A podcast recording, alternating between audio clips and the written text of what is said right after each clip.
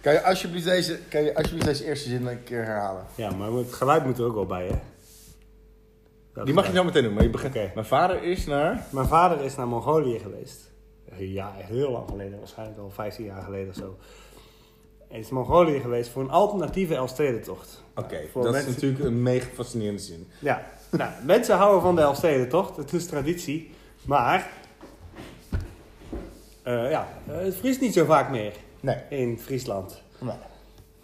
Eh, So, so what to do? ja, nou, de alternatieve Elfstedentocht bestaat al heel lang. Er staat namelijk ook één in Oostenrijk of in Zwitserland. Ik, Oostenrijk. Dat is bij de Wijzenzee. En de Wijzenzee is een heel groot meer dat in principe elk jaar bevriest. En dan kun je daar ook op, eh, kun je daar ook op schaatsen. Er worden er dan elf steden aangedaan? Nee. Is, dat- is dat het lijn, of is De, de afstand? De, afstand. De dat is afstand, 200 ja, ja. kilometer ongeveer. Ja, ja.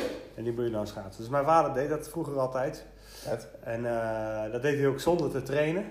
Vet. Ja. E- Echte man dus. Ja, dat was niet nodig. Nee. Zijn training bestond uit koud douchen.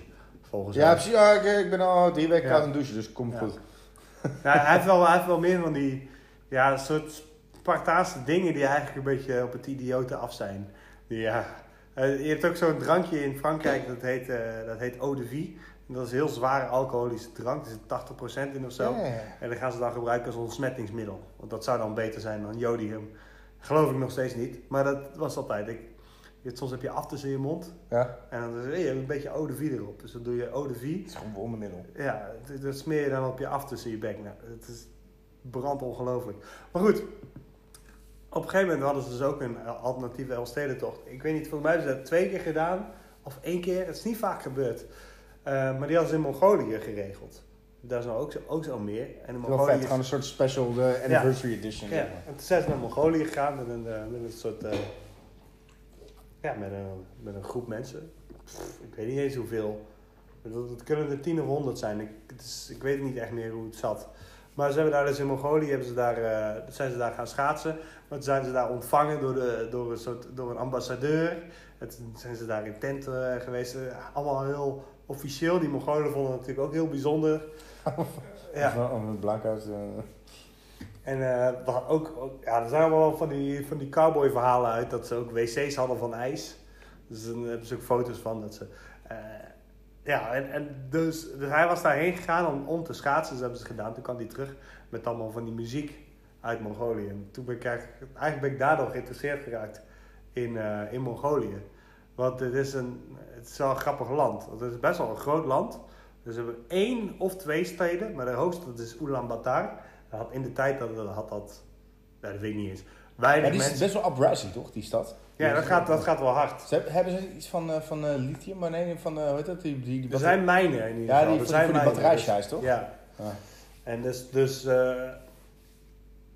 dus, dus, dus, dus er is een grote, grote snelweg aangelegd van, van Mongolië naar China. Maar tegelijkertijd is het land nog heel erg nomadisch. Je hebt daar een hoofdstad met allemaal flatgebouwen en zo. En allemaal van die, van die tenten, jurks. Ben jij er zelf geweest? Nee. Oké, ja.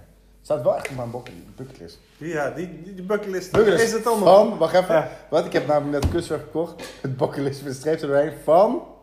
Archibald. Archibald. dus ja, en, en, en dus eh, mijn vader had allemaal van die, van die muziek meegenomen uit Mongolië. En daar is dus een bepaalde keelzang bij. En dat vond ik heel cool, want bij die keelzang kunnen die Mongolen die kunnen een, die kunnen een toon, die kunnen twee tonen tegelijkertijd. Dat kan ik zelf niet, maar die kunnen twee tonen tegelijkertijd zingen met die keelzang. Kunnen ze niet echt, ja wel, ze praten ook, maar je hebt dus de, de basistoon en de overtoon. Ja. En die overtoon, dat, is, dat moet je maar eens opzoeken, die overtoon ontstaat door, door de vorm van de mond die ze aannemen. En dan hoor je dus een soort krekelgeluid. Die, en, en dat, de hoogte van dat krekel, krekelgeluid kunnen ze aanpassen door de vorm van hun mond. Dus Ja, dat is het aanpassen van de, van de klankkast. En de, de basisstem doen ze zeg maar met hun, eigen, met hun echte stemgeluid. En zo kunnen ze twee melodieën door elkaar zingen. En dat is echt, dat is fucking raar. Ja, dat is Heel super. vet. raar. Ja, Ja. Ik kan me daar dus... Oké, even. Want we zijn bijna op het punt gekomen dat je hem gaat voordoen. Maar, ehm, Ja. Want daar kan ik me dus helemaal niks voor voorstellen. Ik heb dat ook bij beatboxen altijd. Ja. Dat vroeger Verzel had je. En die kon zeg maar die, die soort van... Die bass laten doorlopen en de snare. En dan een soort van sample vocaal er doorheen te fixen. Oké, ik ga het gewoon proberen. Ja.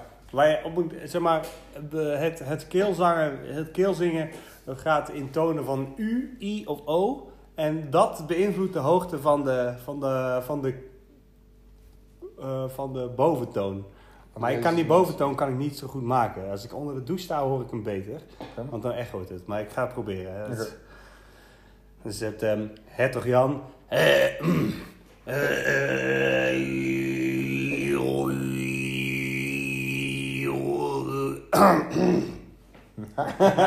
Soepel. Wauw. Wauw.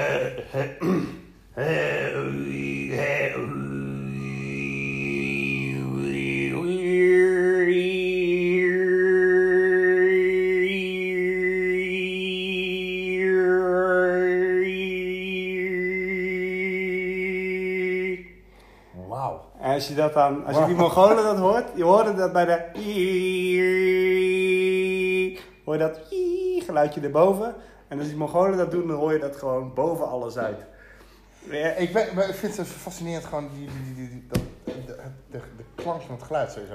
Ik wil even, wat ik ook dacht is van, wat eh, jullie als trouwe luisteraars, die nul mensen, eh, niet weten, is Oh, ja. dat eh, in de intro en de outro Ja. een soort heel raar fluitje zit. Waarbij ik bij de intro nog een soort van muziekje eronder heb geramd. Ja. En op het einde heb ik dit rare fluitachtige geluid gereversed.